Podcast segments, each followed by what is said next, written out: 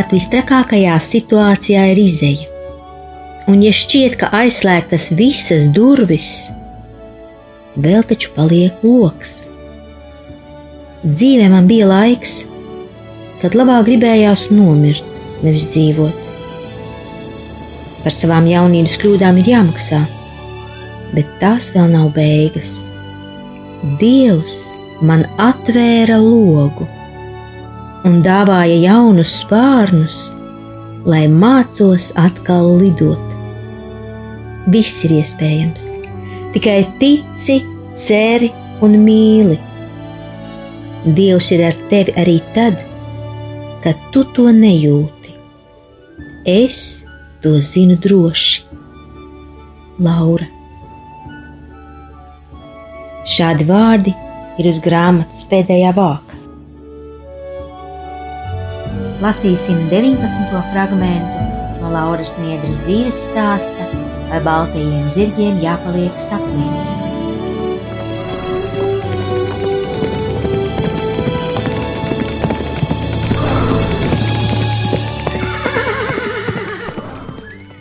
Laura zina, ka palīdzību no vīra viņa var negaidīt.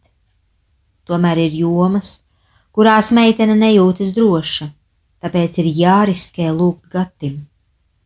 Jau vairākus mēnešus virtuvē uz galda stāv un traucē nepielikts sienas skapītis. Sienā jāieurb tikai divi caurumi. Varbūt tas vīram nebūtu par apgrūtinājumu. Un Laura izsaka savu lūgumu. Reakcija ir atbaidoša.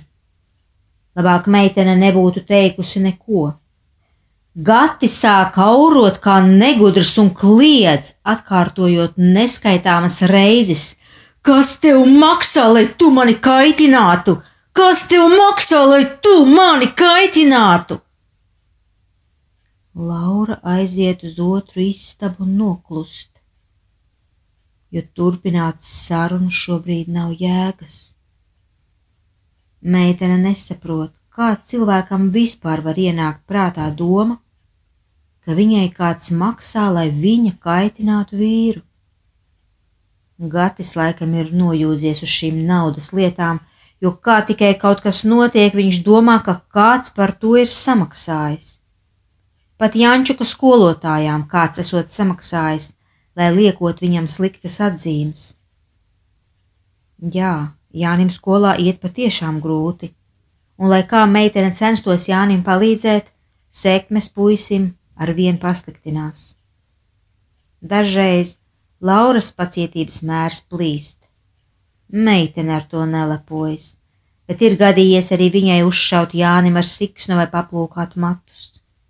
Tikai pēc šādas sadursmes viņi vienmēr izrunājas, un Laura lūdz piedošanu.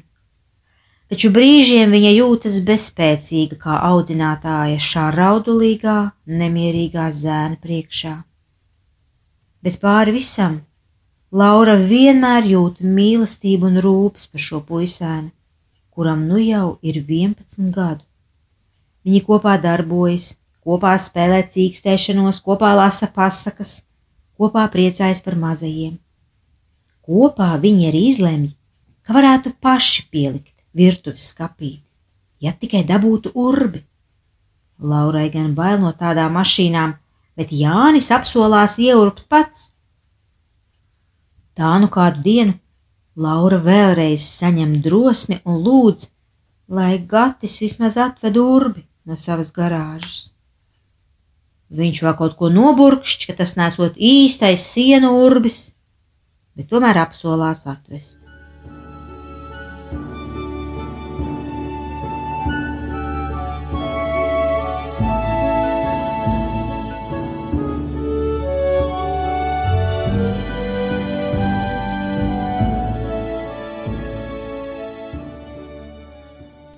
Paiet daudzas dienas, un katru vakaru izrādās, ka vīrs urbi atkal aizmirsis ielikt mašīnā.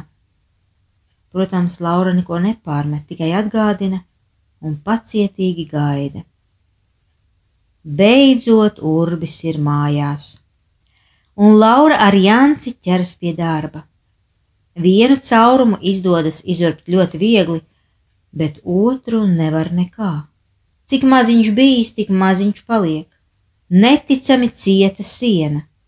Šķiet, ka jaurbi akmenī.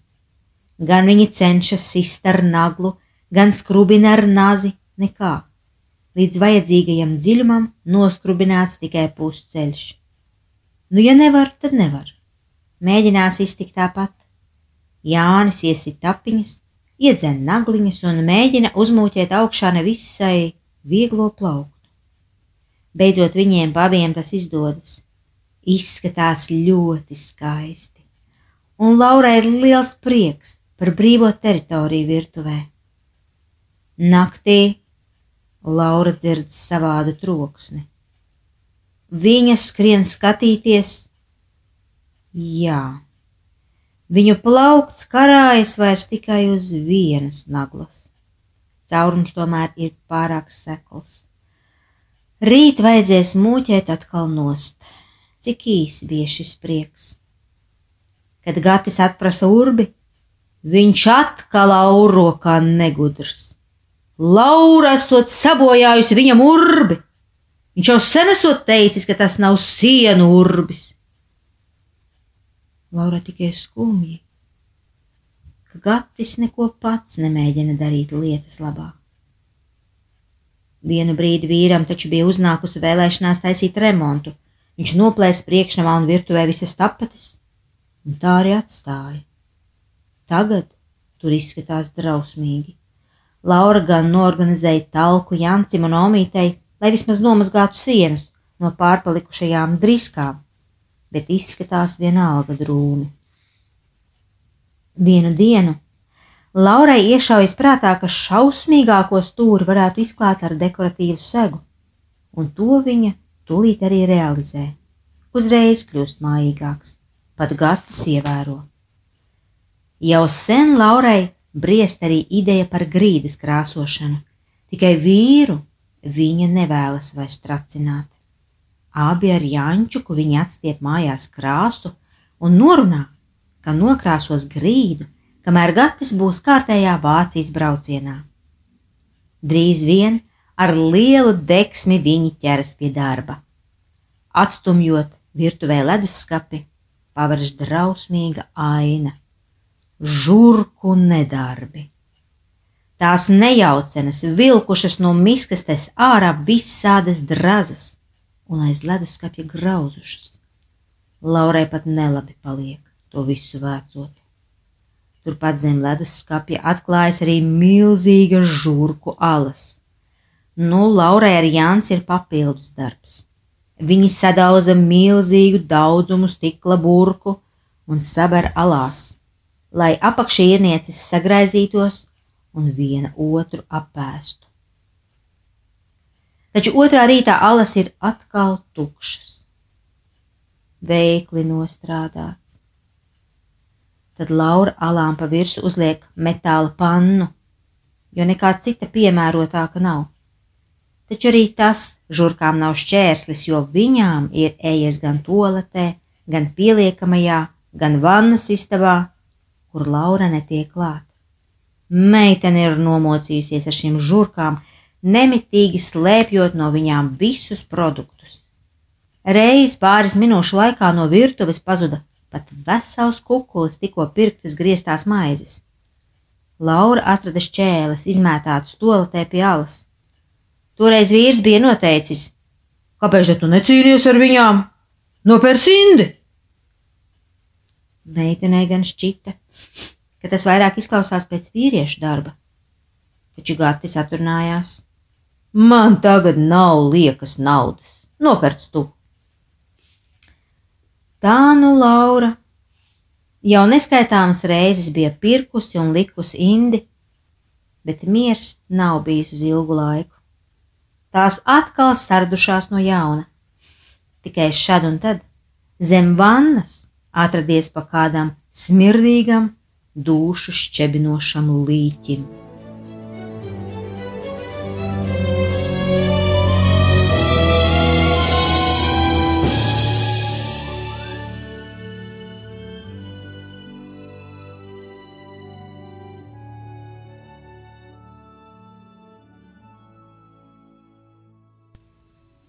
Nu, grīda ir nokrāsota un skaisti mirdz. Laurai gan nedaudz bail no vīra reakcijas, kad viņš atgriezīsies no Vācijas. Varbūt atkal kaut ko pārpratīs. Kad atgriežas Gatis, viņš par laimi nekliedz, tikai nosaka: O, grīdu nokrāsojuši! Un tas arī viss. Labi, ka tā. Kad Gatis ir mājās, Laurai ir dubulta slodze gan bērnu pieskatīšanā, gan nerviem. Viņš vispār neskatās, ko atstājies sevis. Var atstāt virtuves aso nāzi, šķērs, karstu tēju uz taburetes, nemaz nedomājot, ka pa grīdu taču rāpo mazais dēlēns. Laura tikai staigā pakaļ un uzmana visus bīstamos priekšmetus. Vistrakākais ir ar ūdens sildīšanu. Gatis piemeistarojas vadam klāt divas metāla plāksnes un ar tām no rītiem bļodā uz grīdas silda ūdeni. Šādā ūdenī tikai atliek iebāzt mazu zīņkārīgu pirkstiņu, bet Gatis nesaprot, ka jāiztaisa vannas istabas durvis, un Laura tik skrien un uzmana. Vienu rītu Laura šausmās sastingst. Mazais elžuks ir notupies pie bļodas un ar rociņām ņemas pa ūdeni, bet vats iesprausts kontaktā. Laurai šķiet, ka viņas sirds plīsīs redzot šo skatu, taču izskatās, ka meitiņai nekas nekaiš. Laura pieskrien un atrauj meitiņu no bļodas, tad neizpratnē sāk pētīt vadu. Nē, viss kārtībā. Ūdens silst, vats darbojas, elektrība mājās ir. Bet kas tas bija par brīnumu? Kāpēc meitiņa nedabūja strāvas triecienu? Kas tā bija par neizsakāmu dievu žēlastību un aizsardzību? Lauras sirds gavilē pateicībā, bet no prāta neiziet vēlēšanās tomēr izskaidrot šo brīnumu. Vienīgais skaidrojums, ka šajā brīdī mājā uz mirkli bija pazudusi elektrība, jo tā šeit notiek bieži. Bet tikai caur dieva žēlastību tas notika šajā konkrētajā mirklī. Cik brīnišķīgs ir Dievs! Kā viņš sargā savus bērnus! Jau deviņus mēnešus Laura nav ņēmusi rokā Daniela kladīti un arī Elīzes. Viņai nav ne laika, ne spēka. Bet tad kādā vasaras vakarā meitenei atkal rodas vēlēšanās rakstiski iemūžināt savu mīlestību un piefiksēt dažus svarīgākos notikumus dēla dzīvē. Tāpēc viņas sameklē noputējušo kladīti un ieraksta datumu. 2002. gada 12. jūnijas paņemot tavu klādi, Danīt. Es joprojām kaut kur dziļi dvēselē sajūtu tādu sāļo asaru saldumu. Es nesaprotu, kas tā ir par sajūtu, bet tā piepilda manu dvēseli. Es tevi mīlu tik bezgalīgi maigi, ka pat nespēju to izteikt. Tu esi viens salds, salds cukurgraudiņš manā nevisai saldajā ikdienā. Tu esi bužināms un mīlējams, bučojams un pieglaužams. Tu esi brīnišķīgs. Tu arī mani jau māki samīļot un noglāstīt, un arī Elīze tev patīk apkamt cieši, cieši. Tevi audzinot un auklējot, īpaši nekādu grūtību nav. Varbūt tāpēc, ka pagalma meitenes man daudz palīdz, ved tevi ārā, smīdina un izklaidē, Tā es varu atpūsties, aiziet uz dārzu, pastrādāt, un tad jau drīz pienāk mūsu vētrainais atkal satikšanās brīdis. Citreiz liekas, ka veselu mūžību nesmu tevi redzējusi. Vispār? Jau tu tīri labprāt ej ar meitenēm ārā, pats skrien pie durvīm, bet, ja gadās ārā nejauši satikties ar mani, tad gan tev sirsniņā kaut kas sagriežas. Tad vairs neinteresē ne suņi, ne kaķi, ne mašīnas. Tad vajag tikai mammu, sirdsmīļo un vienīgo mammu, un asaru plūdi tad ir vāreni. Protams, ka nespēju tevi tādu atstāt. Šodien pat ņēmu kukaragā un aulēkšojām abi uz dārzu. Pie dārza nolikos zālītē garšļaukus kā beigta, tevi smaguci atstiepusi, bet tu laikam satraucies, ka mamma tā guļ, sāki raudāt. Zini, Dančuk, precīzi no gada vecuma, tu vairs neprasi pa naktīm pudeli. Tas ir sasniegums, jo es biju tā nomocījusies, jaucot tev maisījumu pusnakts melnumā Nu tu noguli visu nakti saldā miedziņā līdz pat astoņiem, deviņiem.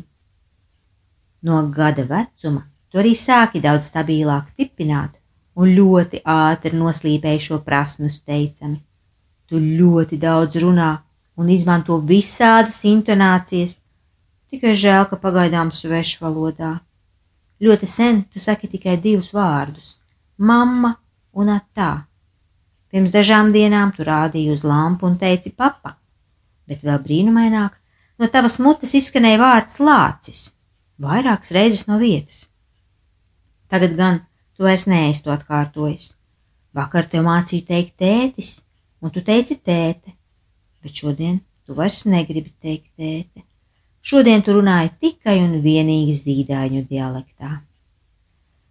Dančuk, tu esi mans saldumiņš, un mans siltumiņš, mans smaidošais, pūkainais mīļumiņš, mana saulīte.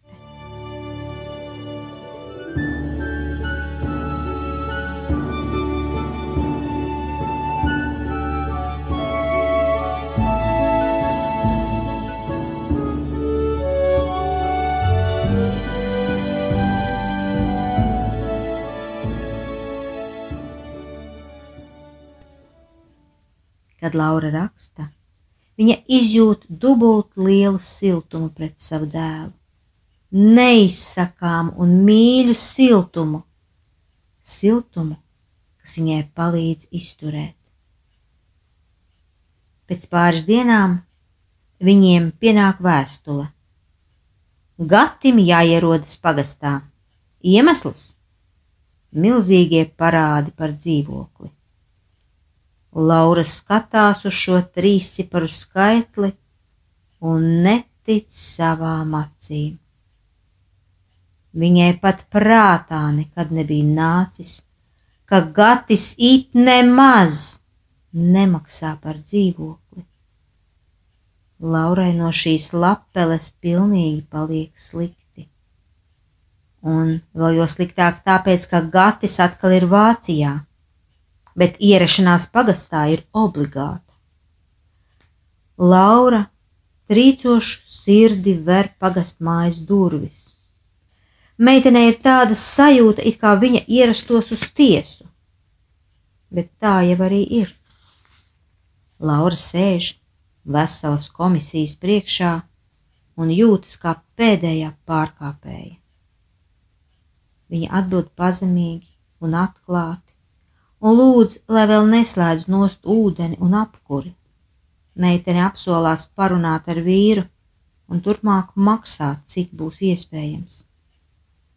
Izejot no pagast mājas, Lauras sirdi žņaudz neparasti dziļa sāpe, kas nespēja palikt iekšā. Meitene turas cik spēka, bet asaras ir spēcīgākas tās laužas ārā kā lavīna un neļauj sausā aizkļūt pat līdz mājām.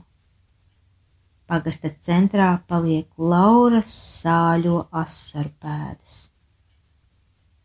Kad pārodas vīrs no sava ārzemju brauciena, Laura viņam izstāsta par notikušo un lūdz turpmāk kaut ko maksāt. Bet gata reakcija ir samērā vienaldzīga.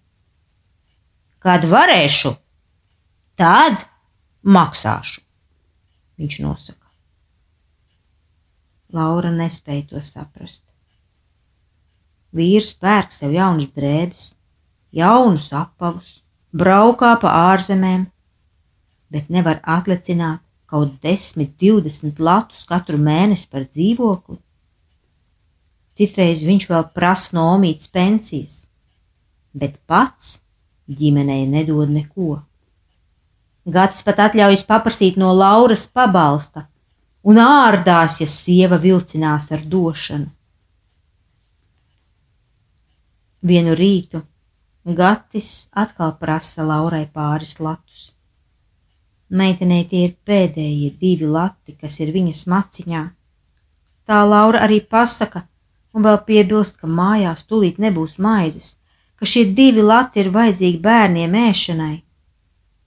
Kā gati sāk kārdīties un kliegt, ka viņam tagad darbs stāvēšot dīkā, ka Laura pie visa būšot vainīga, ja viņš nevarēšot nopelnīt Tad Gatis pagriežas un iziet pa durvīm, tās ar blīkšķi aizcērtot. Laura paliek sastingusi aiz bailēm. Labāk viņa būtu atdevusi vīram visu, lai tikai miers mājās. Bet nu ir par vēlu.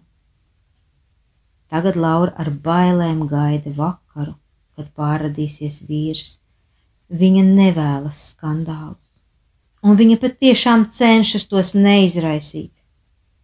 Taču pat tāds mierīgs atteikums, ka bērniem jāpērk maize, izraisīja vīrā eksploziju. Tad labāk Laura klusēs vispār, un turpmāk daļu naudas noslēps. Nav un viss. Vakarā pārodas vīrs un bez kādām ceremonijām pieprasa pārpalikušo naudu. Laura atdod visu. Vairāk viņai nav. Taču turpmāk viņa kļūs piesardzīgāka un viltīgāka. Diemžēl to prasa dzīve. Tas bija 19. fragments no Lauras Niedras dzīves stāsta vai baltajiem zirgiem jāpaliek sapnī.